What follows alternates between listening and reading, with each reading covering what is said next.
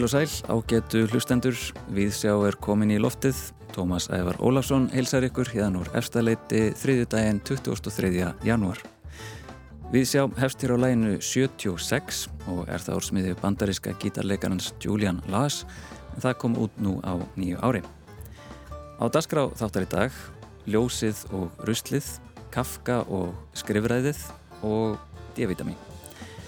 Ljósið og ruslið er marglaga sviðs og tónverk eftir Benedikt Hermann Hermansson, tónskáld og ásrúnu Magnúsdóttur, dansuhund, en það verður frumsyngt í Tjarnabjói núna á fymtudaginn. Verkið er samið fyrir og flutt af Kvennakór og Hljómsveit og samanstendur síningin af tíu lögum sem hvert felur í sér sitt eigið sögusvið og hljóðheim. Við ræðum við Benna Hemhem og Marju Rán Guðjónsdóttur, útgefanda og einn kórmeðlima í þætti dagsins. Við rifjum einnig upp erindi Snorra Rams Halssonar um Kafka, skrifræði og Draumaland reglnana frá árunni 2002 og mun hann grýpa niður í réttarhöldin og bók bandaríska mannfræðingsins og anarkistans David Graeber, Utopia of Rules. En við hefjum þáttinn niður í listasafni Reykjavíkur þar gengur á ímsu en það er verið að setja upp síninguna D-vitamin. Ég gerði mér leiðinir í listasafn og náði tali af Aldísi Snorradóttur og Björg Rapsdóttur síningastjórum. Gefum Aldísi orðið. Hérna í listasafni Reykjavíkur, Hafnahúsi, hefur verið í gangi síðan 2007 uh, síningarauð sem að heiti Djersalur þar sem við höfum bóðið upprennandi listafólki að halda sína fyrstu engasíningu á safni og fer svo síning venilega fram í dísal og síðasta árið þá uh, voru semst 50. síningin í þeirri síningaröð og okkur fannst ástæði til þess að fagna því og gera eitthvað sérstakt af því tilefni. Og ákvaðum þá að halda þá stærri samsýningu uh, sem að við ákvaðum að skýra D-vitamin sem að samanstendu þá af verkum 15 listamanna. Það er eitt listamannadúo þetta eru 14 verk í raunni og uh, sem fer þá fram á allri efrihæð hafnahúsins nema í, í. Og okkur fannst svona kannski hérna, svolítið ósengjönd að setja einhvern í díasalinn, þannig að ákveðum að hafa hann fyrir svona arkæf díasalar síningaröðina, þannig að hér verður hægt að sjá myndir frá fyrir síningum og, og lesa um síningarnar og svo ætlum við að útbúa smá svona smiðju þar sem bæði sko listamenn og, og kannski uppröndandi síningarstjórar eða bara aðri sem hafa áhuga á síningarhaldi geta svona hanna sína eigin síningu inn í þetta rými á blaði og hengt upp. Og uh, það kemur fram í um, tekstanum sem fylgir síningunni að, um, að, að þema síningarna sé mennskan að ykkur leiti sem viðbrað við kannski aukinni tæknihyggju. Uh, hvernig fer þetta þema að myndast uh, við síningagerðina? Já, ég get hérna komið aðeins inn á það en það er kannski það sem við kynntumst bara núna á síðustunum árum er hvað listamenn og bara við öll erum að horfa kannski meira til náttúrunar og við erum kannski þannig að það er svo ótrúlega mikil framvinda í þróun á tækni að sömur fá kannski svolítið of mikið af því og þannig að mörg verkana hérna fara svolítið inn á samband mannsins við náttúruna. En önnur hins vegar líka samband hérna mannsins við, við tæknina og framvindu gerfugreindar og allt, og allt þetta þannig að þetta er svona bara hvernig við tökumst á við samtíman.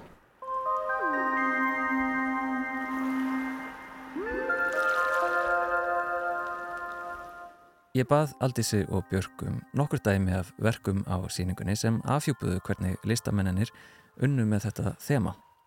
Við röldum um rýmið og Aldís síndi mér verk eftir Þórð Hans Baldursson.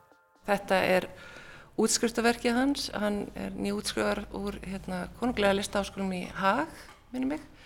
Og það sem þetta er eh, svona bílaþóttabusti eins og við þekkjum mörg sem höfum farið gegnum bílaþóttastöð þá er þetta eitt busti sem er sagt virkjaður með hljóði. Þannig að hann byrjar að dansa í rýminu.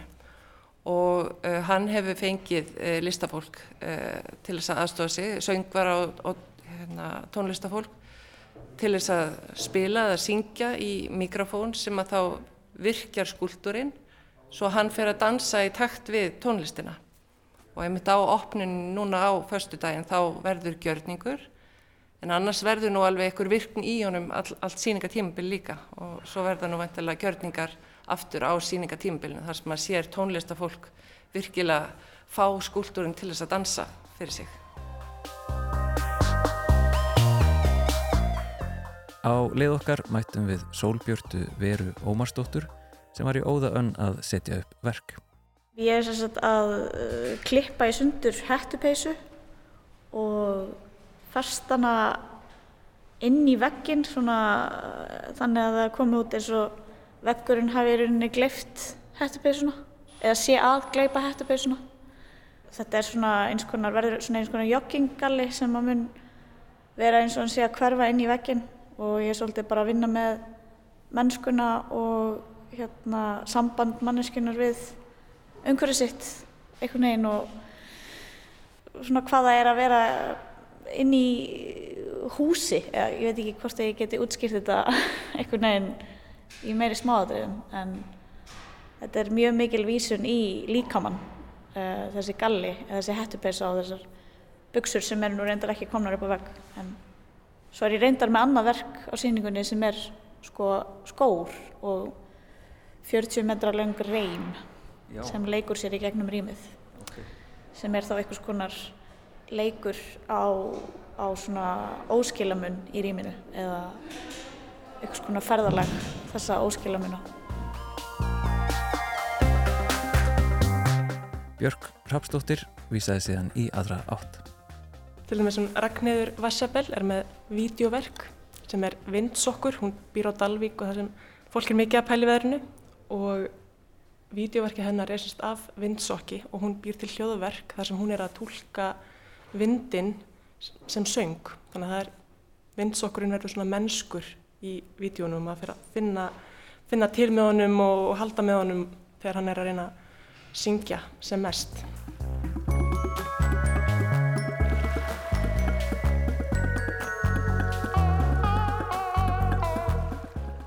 D-vitamin, hvaðan kemur þessi titill Björg? Já, það var kannski hérna, fengið svolítið út frá því að síningin er að opna í skamdeginu og það er dimt úti og við þurfum kannski öll svolítið, svolítið auka orgu skamt á þessum árstíma og við hugsuðum svolítið þessi listaverk og þessi ungu listamenn sem svona þennan orgu gjafa sem við öll þurfum svolítið á að halda núna í januar. En Dísalur, þetta er svona verðapínu kannski sögufrækt rými hérna í senunni. Það er mjög stort skref fyrir hvern listamann að fá sína engasýningu hérna inn í DSL og um, en hvernig svona byrjar þetta að verða hefð þannig á sínum tíma?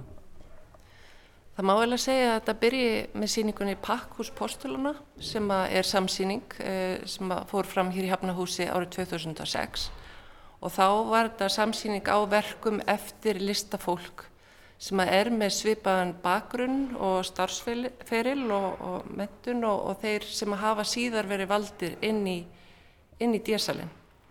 Og þeir listamenn sem hafa svo verið valdir inn, fyrst þá er valið alltaf og þá er þetta fólk sem er mögulega þekkt í senunni, myndlista senu Íslands en kannski minna þekkt bara fyrir almenningi og náttúrulega á safnið koma svo, kemur svo miklu breyðari hópur en kannski í þessi minni rými sem að við í sinunni þekkjum við vel.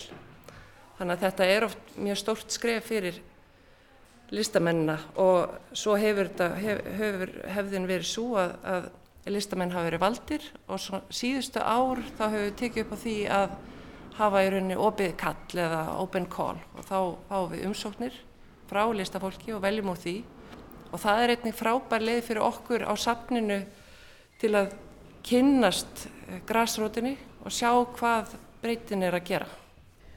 Og þau voru með eins konar óbygg kall fyrir þessa síningu, er það ekki? Jú, það var fyrir þessa síningu og það voru um hundrað, eða rétt yfir hundrað umsóknir sem bárust og það var mun skemmtilegra núna að geta valið fleiri listamenn það, því það er nú oft þannig að það er úr það er erfitt að velja, það eru svo margir frábærir uh, listamenn sem við erum með hérna á Íslandi. Þannig að það var mjög hressandi að fá að velja fleiri. Og úr því voru þessi 14 listamenn. Uh, Kanski eitt sem ég með nokkað að koma inn á líka um, tölum um þemað um, um mennskuna og, og, og þetta svona viðbraka við, við tækninu og, og ákveðin einsleitni en þegar að þeir eru núna komin með verkin á veggina og þetta er að taka á sig mynd finnið ykkur aðra þræði svona að byrja að myndast ykkur önnur samtöl í verkunum? Já, það er alltaf, alltaf svolítið fyndið þegar verkin eru komin inn í síningasalina þá fer maður að sjá alls konar sameiginlega þræði og stundum er það bara að fólk er að nota bara sömu litina í verkum og þá allt í því þurfum við að fara að enduraða verkum svo það sé ekki bara hérna, eitt herbyggi allt í bláum, með bláum verkum eða eitthvað svo leiðis. Þannig að það eru svona alls konar hérna, uppákomur sem koma. Já og eins kannski of líki í hérna, þema eða efni og þá reynum við kannski að brjóta það upp. En það eru, maður þarf að vera alveg á tánum þegar hérna, verkinn kom í hús og maður sé búin að sjá þetta allt á bladi og, og ímynda sér og, og svona er komið nokkuð góða mynd þá, þá jafnast ekkert á því að þegar verkinn sjálf eru komin og og einmitt þessi nýju þræðir myndast sem eru oft ánægilegir, hérna, ánægilegir samtöl sem myndast á milli listamanna og þegar maður sér líka salina smetla að, svona, að þetta make sense, að, svona, að þetta verður góð, góð heild þegar maður hugsa þetta, já. Og uh, það er uh, opnun á förstu daginn, uh, hvernig fer opnunin fram? Það verður helgjana partí, skils mér? Já, þetta á að vera svaka partí. Opnin er klukkan uh, átta og Einar uh, Þorstinsson, uh, nýr borgarstjóri, mun opna síninguna og hérna það verður DJ Hermigervill hérna mun spila og, og, og bar og, og gjörningar. Það verður bæði hérna, verkið hans Þórðar hans verður, hérna, það verður gjörningur kringum það en einnig mun Halla Einarsdóttir vera með gjörning og svo já, við bara vonumst til þess að sem flesti mæti og, og bara í banna stuði. Björg og Aldís, takk hérlega fyrir spilið. Takk fyrir okkur.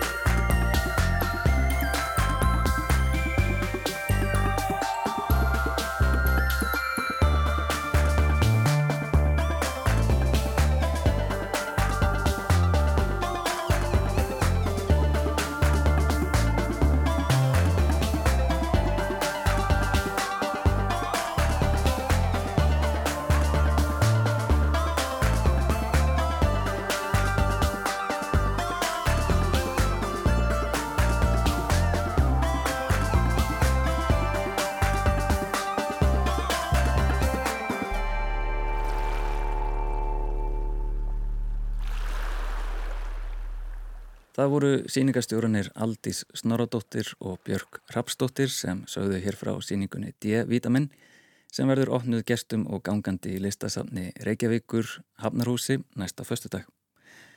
En úr myndlistinni hoppum við yfir í stjórnmálinn og rifjum upp að gefnu tilefni pistil Snorra Raps Halssonar frá árinu 2002 um Kafka, skrifræðið og draumaland reglnana. Að morgnið 30. afmælistagsins er yfir gjaldkerinn Jósef K. handekinn. Af einhverjum útsendurum frá einhverju stopnun fyrir einhvert glæp. Svona hefjast réttarhöldin eftir Frans Kafka. Okkar maður Jósef K. er þó ekki færður í fangaklefa. Hann fær að vera frjáls innan gæsalappa á meðan hann býður frekar í leifinninga frá mála nefndinni. Hvaða mál svo nefnd fyrir með er ekki alveg á hreinu og neyðist Jósef K. til að þvælast fram og tilbaka um ránkala völundarhús ósýnilegs kervis í tilraun til að finna eigin réttarhöld. Þar til, og hér kemur höskuldar viðvörun fyrir tæplega aldar gamla bók, að kvöldi 30. á fyrsta afmælistags Jósefs K. Þá mæta tveir útsendarar heim til hans, fara með hann í grjótnámi fyrir utan borgina og taka hann af lífi. Stungin til bana eins og hundur, segir Jósef K. með síðasta andadrætti sínum, fær hann aldrei að vita um hvað réttarhöldin snýrust, hvað hann átti að hafa gert af sér. Ég las réttarhöldin fyrst þegar enn blöytur á bakvið eirun, rétt skriðin úr mentaskóla og ég kannast engan veginn við þennan veruleika. Tilvera mín hafði gengið nokkuð smurt fyrir sig í þau fáu skipti sem ég hafði þurft að standa í því að díla við kerfi. Internetöldin var lungu búin að útrýma pappirsvinnu og pappir ekkert að mestu leiti séðum hlutina sjálfur. Næst las ég réttarhöldin þegar ég bjó í Danmörku og upplöfum mín var sveipuð. Danirnir voru örlítið stífari með sín viku númer og lungu úrvinnslu fresti en allstaðar mætti maður leiliheitum. Flestu var nú hægt að retta með smá undirbúningi en til dæla lítilli fyrirhöfn. Ég held að sé engin tilviljun að um leið og Jósef K. verður þrítugur, bergi kerfið að dyrum og gleipi hann að lokum. Það er einlega fyrst þá sem maður fyrir að gera þessa hluti sem virkilega krefjast þess að maður gefið sér kerfinu á vald. Þegar ég gifti mig fyrir nokkrum árum þurfti konu mín að fljúa til Póllands, þaðan sem hún er, til að sækja frumritt af hjúskaparstöðu vottorði, svo við getum fengið útgefið könnunarvottorð hjá síslimanni, svo við getum farið og látið gefa okkur saman í votta viðvist og fengið svaramenn til að kvita undir og þá loks fengið nöðsynlegt hjónavíkslu vottorð. Það hefði næstum verið auðveldara að fljúa bara til Vegas. Ég er farin að skilja Kafka betur og nú þegar ég býi því sem eftir er af keisaradæminu sem Kafka kallaði heimaland sitt óttast ég hálfpartinn að rifja upp kynnin við hann á ný. Ég hrættur við að vekja upp allt of sterka samsörun milli Jósefs K. og eigin reynslu af þýskumælandi skrifræði. Ég ætla ekki að drepa ykkur úr leðendum. Þið þekkið eflaust mörg af eigin raun hvernig nefndir og ráðna og tangar haldi á hverju því sem þau finna upp á. Hvað barnið þitt má heita, hvort þú fáið lán, hvort skert vinnu geta veitið rétt á bótum, hvort námið þitt sé lánsæft, og svo framvegis og svo framvegis og svo framvegis. En býðum við. Er þetta ekki farið að minna óþægilega mikið á veröld sem á að vera horfin? Gömul kerfi sem er ekki lengur við líði þar sem reglufjöllin rönnuðust upp og ennbættismenn og ríkisbubbar þurfti að leggja blessun sína yfir og stempla í þrýriti hverja einustu gjörð.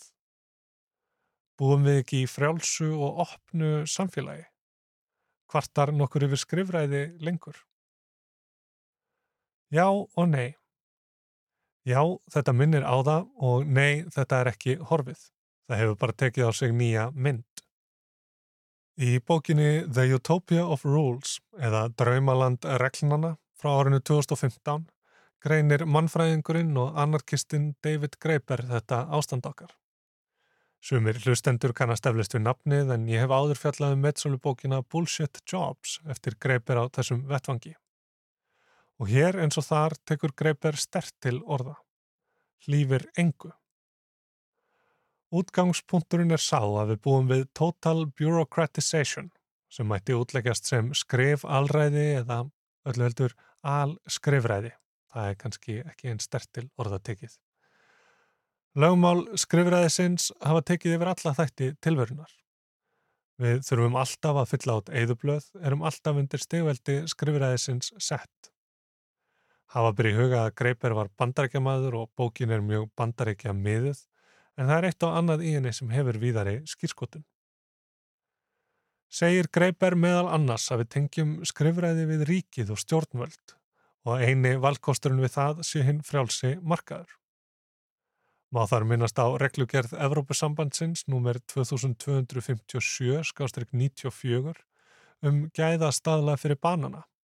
Þar sem tekið er fram að óþróskaðir grænir bananar skuli hafa viðegandi sveiju. Fáranlegt. Hinn frjálsi markaður væri aldrei svona, er það? Staðrendin er hins vegar svo, segir Greipер að þetta fari hönd í hönd Markaðslaustnir á hinu og þessu hafi blásið út regluverkið og þau skilir því sem þarf að uppfylla. Það gengst bara engin við því. Það er engin að fara að segja mér að það verði minni pappisvinna, færri reglur þegar sjálfstæðisfloknum tekst loks að koma bjór í búðir. Þegar verðið er að auðvelda eða leta á regluverki er í raun bara verið að bæta fleiri reglum við. Markaðurinn bendir svo ríkið en til dæmis þegar kemur að banka lögjöf í bandarækjunum þá er hann að miklu leiti skrifuð af böngunum sjálfum.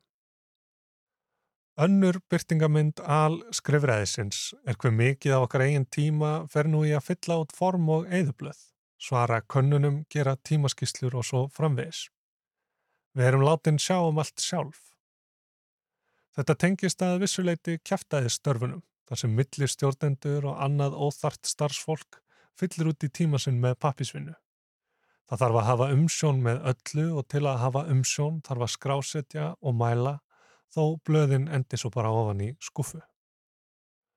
Og þetta er líka svona stöðum þar sem maður vinnur ekki eins og sjálfur. Í nafni hæræðis og þæginda er skriffinsku úttýst á okkur. Gerð tjónaskísla og tilkynninga, allt það sem maður getur bara gert í heimabankanum því annars er tekið gjald fyrir.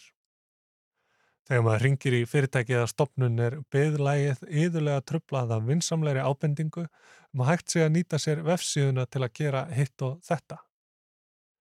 Það er eins og vin í eðimörkinni að lenda á hjálplegum þjónustufulltrúa sem gerir það sem þarf að gera fyrir mann. Því sjálfur veit maður ekki neitt. Er ekki innmúraður inn í þetta tiltekna skrifræði sem fer eftir þessum tilteknu reglum og maður fyllist kvíða kvíða yfir því að klúðra hlutunum og gera eitthvað vittlust. Því mistök hafa afleiðingar og geta kostamann. Og tilgangurinn með þessu öllu saman? Að hafa af okkur peninga, segir Greiper. Greiper rekur samtalsitt við hagfræðing hjá Alþjóða bankanum eða Alþjóða gjalderisjónum, hann segir ekki hvort. Umræðefnið var hvernig refsa skildi fyrir allt svindlið sem hrindi af stað fjármálakreppunni 2008. Og þar kemur í ljós að sektirnar sem bankar sæta eru nánast alltaf lægri og mun lægri en hagnaðurinn af svindlinu. Þýðir það þá, spyr Greiper, leiðrættu mig ef ég hef ránt fyrir mér. Er ríkið ekki að segja, þú mátt svindla eins mikið þú vilt, en ef við nöppum þig, þarf það að gefa okkur okkar hlut. Já, ég get auðvitað ekki sagt að þannig sjálfur á meðan ég vinn hérna, svarar hagfræðingurinn. Eins má nefna það hvernig það þarf sífælt fleiri pappira til að sanna hitt og þetta. En það er annað form af skrifræði og gjald er tekið fyrir í hvert skipti. Credit Info hefur komið sér kyrfilega fyrir þarna. Og svo er það annars konar pappirar. Fleiri og fleiri störf krefjast þess að maður sem er háskólagráðu sem í bandaríkunum kostaði þetta morð fjár. Enga fyrirtæki græða á námslónum og háskólaðni líka. Þetta á ekki eins vel við á Íslandi og þarna Vestanhafs en það hafa sprottið upp sjóðir sem stíga inn í gatið sem mentasjóður námsmanna skilur eftir sig og gatið er búið til af reglum. Og svo er það auðvitað þannig að lakara aðgengi að mentun þeirra sem hafa minna á milli handana viðheldur auðvitað núverandi ástandi. Og hér má líka nefna sífælda endur nýjun aukuréttinda atvinnubílstjóra. Jafnvel þó þeir keiri á hverjum degi þurfa þeir að sækja 35 stundan áskeið á 5 ára fresti og skila inn læknisvottorði. Frjálslindi það, ha? Samrunni hins ofinbera á engagerans að sögn greipir fælst því að ríkið er tilbúið að koma þessum reglum á og beita valdi sinu til að viðhalda þessu kerfi. Það sem valdi er á toppnum en ábyrðinni er veld yfir á regluverkið. Computer says no. Skrifræðið sem erum öll látin ganga í gegnum verður að járnaga frjálslindisins. Svona virka hlutirnir og það er ekki hægt að breyta þeim. Með þessu finnur það sem Mark Fisher kallaði kapitalíska raunhyggju sér stað í skrifræðinu. Kapitalísk raunhyggja er einmitt svo hugmynd að það sé auðveldara að ímynda sér endalokk heimsins en endalokk kapitalismans.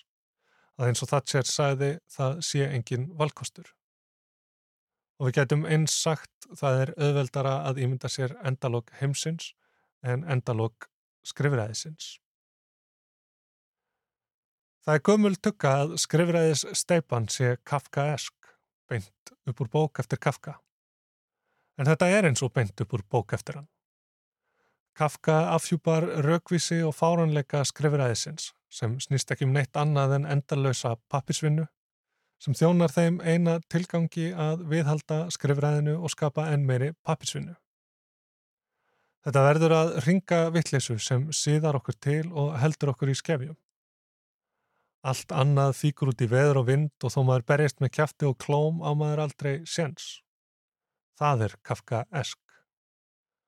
Kostirnir eru að berjast gegn kerfinu með kerfið að vopni eða láta undan eins og hundur sem þarf að síða til. Það sem greipir minnir okkur svo á er að þetta þarf ekki að vera svona. Reglurnar og laugin og regluverkin og reglugerðirnar og lefinningarnar og tilmælin hafa öðlast sjálfstætt líf. Og við höfum glemt því að þegar allt kemur til alls eru þau mannana verk. Og við getum skapað hvernig heim sem er.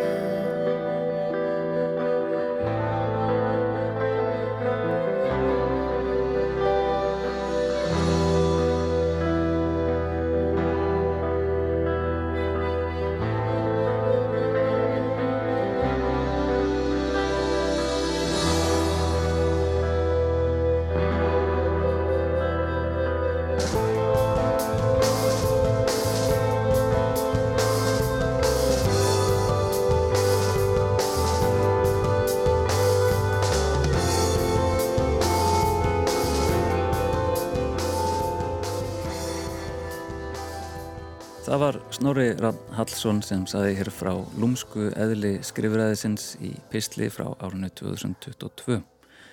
En þá höldum við yfir í leikúsið. Anna Maria Björnsdóttir tekur nú við.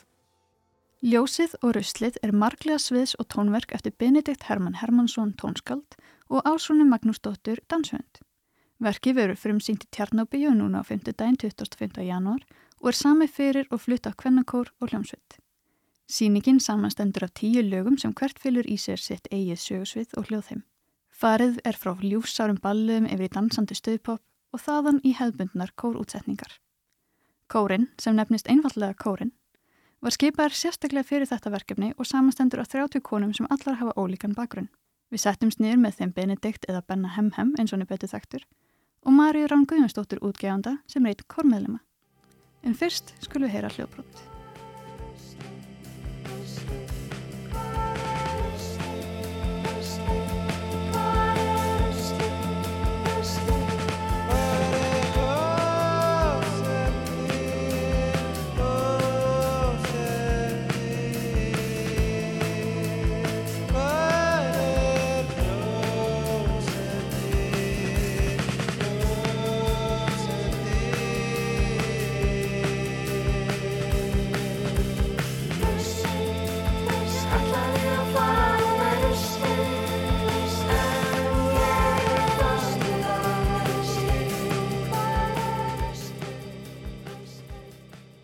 Benedikt Hermann Hermannsson og Marja Rangu Jónsdóttir, velkomin til minni í hljóstafiði.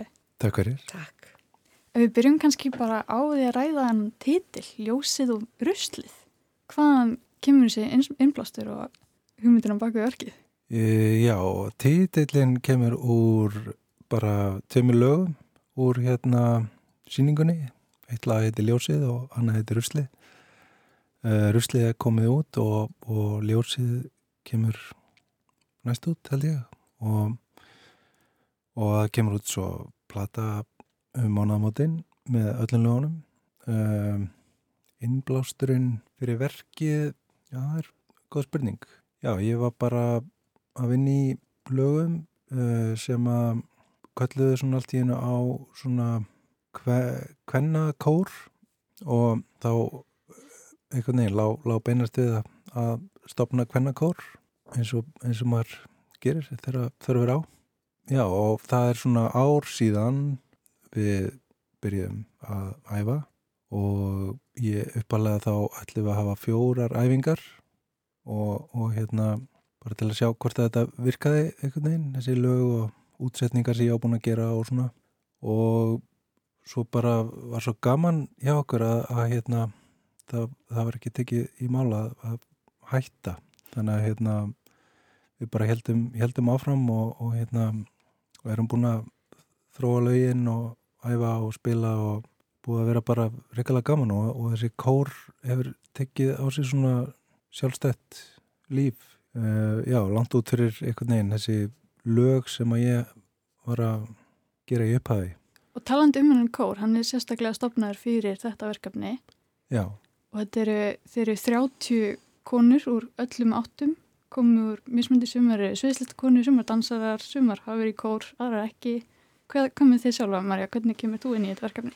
Já, einmitt, Benni bara baði mig um að vera með. Ég veit ekki hvernig hann fekk það hugmynd eða hvernig hann valdi í kórin en ég hafði sungið í kór áður, ég var lengi í kórmennskólan sem Hamra hlýð og Hamra leikkornum og ég stökk bara strax á þetta tækifæri. Minnst það er rosalega heiður að fá að vinna með banna og þessi lög og, og lögans og textar eru dásamleg ótrúlega falleg og, og, og grípandi og flotti textar sem Nei. svona hitta mann alveg Þetta fjallar svolítið um svona hverstagsleikan og eins og við talum gráan hverstagsleikan en samt svona vonir og drauma og eitt lagi sem við ætlum að hlusta hér á eftir heitir einmitt Ljósið það er sem sagt segi þóri eða vil ekki kveikja ljósið Já. Hvaðan kemur þetta? Er þetta eitthvað sem hefur upplegað sjálfur? Eða? Já, þetta er svona mjög hérna, já, bókstalleg eh, lýsing á hérna svona, já, með að dreyma, dreyma svona fund með manneski og, og hérna, og svo er ég vaknaði þá vildi ég svona vera áfram í drömnum með manneskinu sem ég var að hanga með í drömnum og hérna já, þetta er svona tilfinninguna að svona vilja vera enþá í, í draumalandinu þegar maður er vaknaður. En að ljósið er þá bara raunveruleikin? Ég veit ekki hvað ljósið er sko, en, hérna, en bara bókstala að, veist, ég vil ekki kveika ljósið og vakna inn í daginn og, og það er líka um sko að, að heyra þessar svona öflugur svona endurómur á því sem maður heyrir í draumi. Og, hérna, uh, já, ég heyrði ennþá orðin uh, sem að að segja við mig já, þetta er svona, ég var svona að reyna að lýsa tilfinninguna svona að maður vilja helst svona geta farið aftur inn í, inn í þessa vít frekar hann að vakna og fara í vinnuna. Vaknaði með þig í eirunum ég farði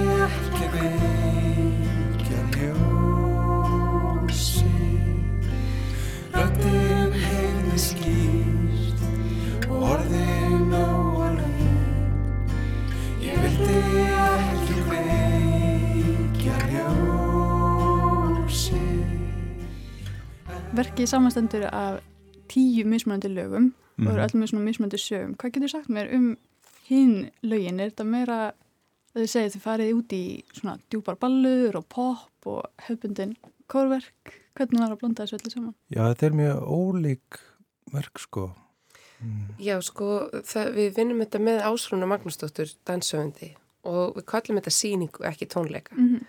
Að því einmitt svona hvert lag er með ákveðna sviðsetningu og er ákveðin stemning. Og, og eins og þú segir það er eitt hefðbundið korlag það sem er bara korstjóri sem stjórnar okkur. Og engin hljóðfæri, annars erum við með hljóðfæri og, og það eru svona stuðlög og það eru róleilög og það eru svona átakanlega lög og, en, en, og hvert er held, hvert lag? Já, þetta eru smá svona sikkurir heimar og, og svona þegar vorum að byrja að skipilegja sviðsetningarnar þá byrtist mér svona óvænt daldið svona laga tvennur svona tvö og tvö lög svona smá inn í sama heimi. Eins og þarna ljósið er svona tengist þessum draumi og, og svo er annar lag sem að e, er einhvern veginn inn í þeim heimi líka. Og svo eru e, já, að, aðra svona tvennur mm -hmm. e, sem að svona hanga einhvern veginn saman sem við reynum svona smá að, að undirstryka svona sjónrænt. Og talandi einmitt um ásrúnu, hún semur dansana og talið um þetta er einföld koreografía. Þið eru ekki allar dansarar, hvernig var að... Nei, langt í frá, Já. en já, þetta er, þetta er svona einmitt einföld koreografía þannig að ég mitt hugsaði áður um að byrja, ég vissi ekkert hvernig það myndi koma út og hvað ég var að fara út í, en það var líka það sem var svo spennandi við það.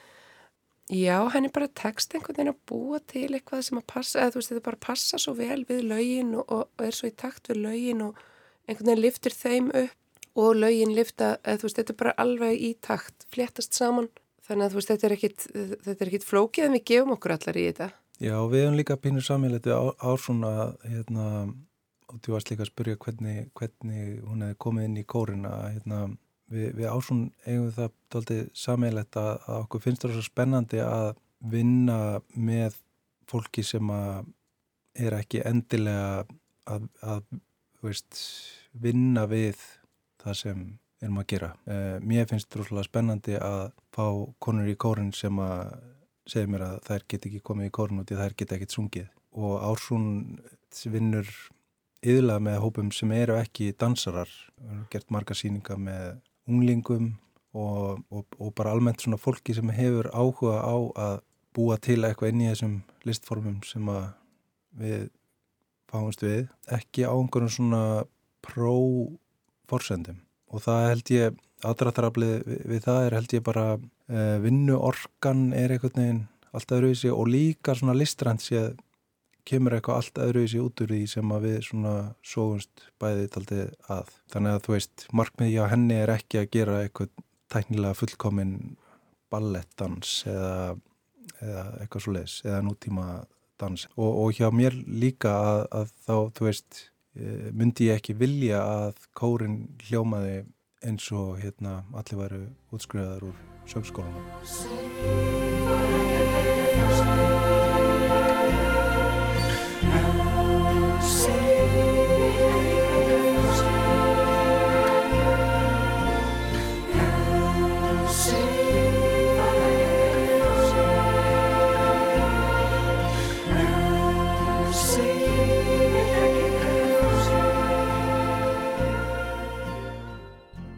Já, það er smá greinlegt á kórútsetningunum til dæmis, ég, veist, er ekkert svona, ég held að það er, uh, hafi alveg fengið að finna fyrir því að ég er ekki að fást við það alltaf að semja kórútsetningar, þannig að, þú veist, tónsviðin er ekkert alltaf alveg þar sem hérna væri best að hafa þau og svona. En þú veist, ég, já, ég hef nokkur svona samið kórverk og, og það hefur allt verið svona fyrirfrekar svona hefðbundin tilefni. En þetta er svona, já, þetta er líka nýtt allavega fyrir mig að því leiti að þetta er svona hljómsveit og kór. Ég er svona stáðaldir svona spennandi vettfangur já og, og við vinnum í rauninni svona eins og hljómsveit eiginlega. Bara eins og fjóramann hljómsveit í angósnaði nema við erum 30 Og þeir eru þessar 30 konur eins og þú segir, allar mjög ólíkar og tala um að þeir hafið svo margt að segja og margt mismunandi að segja. Er eitthvað svona líkil bóðskapur sem ykkur finnst þið vera að koma á framfæri í gegnum? Ég veit ekki, ég held að sé svona kannski það sem er sérstætt við þetta verkefni er einmitt þessi ófullkomleiki sem að er, já, hann, hann er kannski fyrir þær sem hafa sungið áður í kór er svona, mað, maður þarf svona vennjast típingu. En það er líka eitthvað það sem er svo lífrænt og skemmtilegt við þetta og gerir þetta einmitt hljómsveitalegra heldur en kór. Þannig við erum ekki beint við að vera að hugsa svona Stu, við erum ekki beint svona að fara á kóramót. Við erum Mhm. ekki svona hefðböndin, við erum meira hljómsveit. Ég veit ekki, við erum bara að reyna að búa til eitthvað færst, skemmtilegt, nýtt og, og hérna svona ná að hrífa fólk. Þetta er náttúrulega mjög hættilegur leikur sko sem ég áttaði mig á í, í miðju kafi að ég hérna miðaldra kall væri að leggja konum orð í munn. Fatta allt í hérna það, það hérna væri, væri gæti mögulega og, og þú veist það, það gæti bara mjög öðvöldlega orðið mjög skelvilegt og, og ég var alveg mjög rættur við það á tímbili að hvort það væri bara rétt að gera það. En mér finnst það kom mjög vel út og, og í mörgur ljónum er, er alveg svona samtala einhvern veginn á milli mín og kórsins sem maður svona kemst eiginlega ekki hjá því að upplifa sem einhvers konar samtal svona á milli kalls og konu og það er heldur ekki alveg á hreinu hvor er hvað stundum, veit ekki alveg hvort það meika sens en mér finnst þetta mjög spennandi. Mhm. um, að, og í þetta er þetta aldrei hættulegt. Já, ég á auðvöld með að ímynda mér að þetta væri ekki nógu vel gert kalla að skrifa fyrir hvernakor þetta virkar. Við bara, það tengjum við orðin þín og það er ekki, eða verður ekkit á mörgunum, finnst mér. Mm -hmm. Því svo verður við bara einn heild og orðin er mitt já, þau bara, þau snert okkur. Já, mér finnst engin vafaði að þetta einhvern veginn smellur alveg saman en svona tímbilegur ég var svona já, undirbúið þetta þá mm -hmm. fattaði ég allt í hennu þetta, hvernig þetta gæti orðið. Ef þetta væri ekki rétt gert, skiljið Já, við erum náttúrulega, við erum mjög margar og það er kannski einmitt líka áhættu aðtriði að setja saman kór en það einhvern veginn hefur gengið fullkomlega upp og við erum svo spenntar, okkur finnst svo gaman í kórnum og fáum bara frákvarsenginni þegar við hættum að æfa. Þannig ég býst við að við höldum eitthvað áfram. Já, það ekki, Benni? spurning, Jú, algjörlega. Og það eru frumsýning núna á fymtudaginn mm og svo plata út í lóki janúar. Já, einmitt, það er uppselt á frumsýningun á 50 daginn en það er eitthvað að lausa miðum eftir á sýningunum viku síðar, 1. februar og við erum bara á fullu að, að hérna að undirbú okkur og, og þar heldur Ragnar Mæsól fastum stjórnatöymana og, og hérna er okkar stóð og stitta, hún heldur utan að þetta verkefni. Já, ég myndi bara drífa mér á Tixon á síðustu miðunum á Já, sýninguna 1. februar Látum þetta vera. Lókar en takk hjá fyrir Mario og Benedikt. Takk Takk. fyrir okkur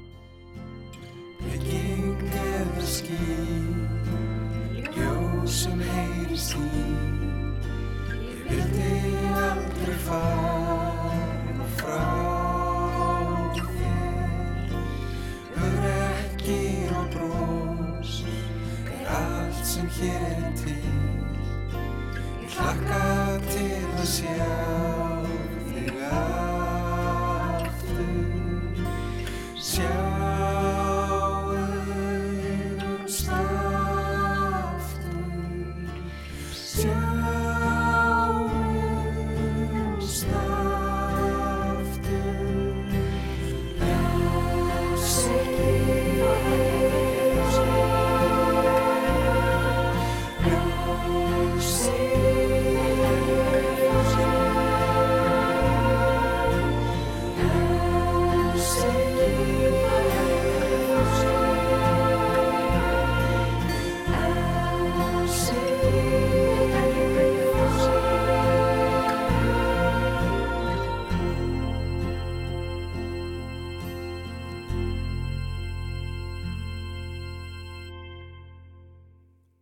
Lægið Ljósið en það er hlutið af nýju sviðs og tónverki eftir Benedikt Hermann Hermansson, tónskáld og ásónu Magnúsdóttur, dansöfund. Anna Maria Björnsdóttir rætti við hann og Maríu Rán Guðjónsdóttur, útgefanda og einn kórmeðlema umverkið. En það er hér sem við setjum punktinn við viðsjá að sinni. Við ljúkum henni að þessu sinni á tólkun bandariska saxofónleikarans Joshua Redman á jazzstandardinum St. Thomas. Við verðum hérna aftur á morgun og hinn og alltaf öllum stundum í spilararúf. Takk fyrir að hlusta og veriði sæl.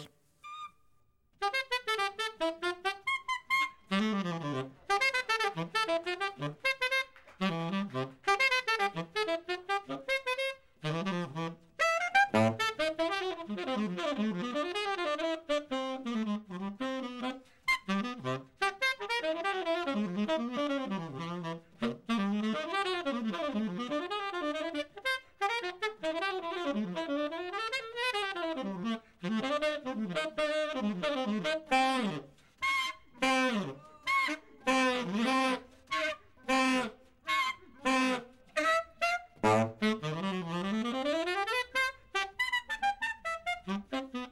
Mm-hmm.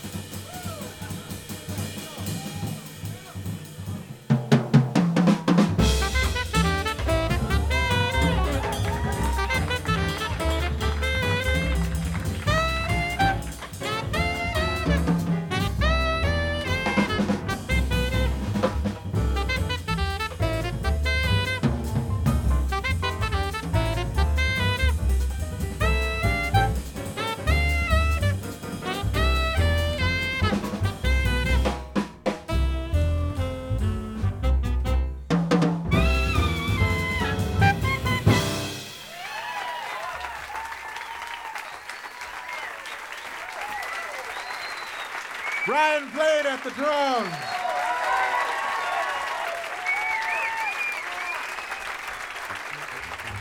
Christopher Thomas at the bass.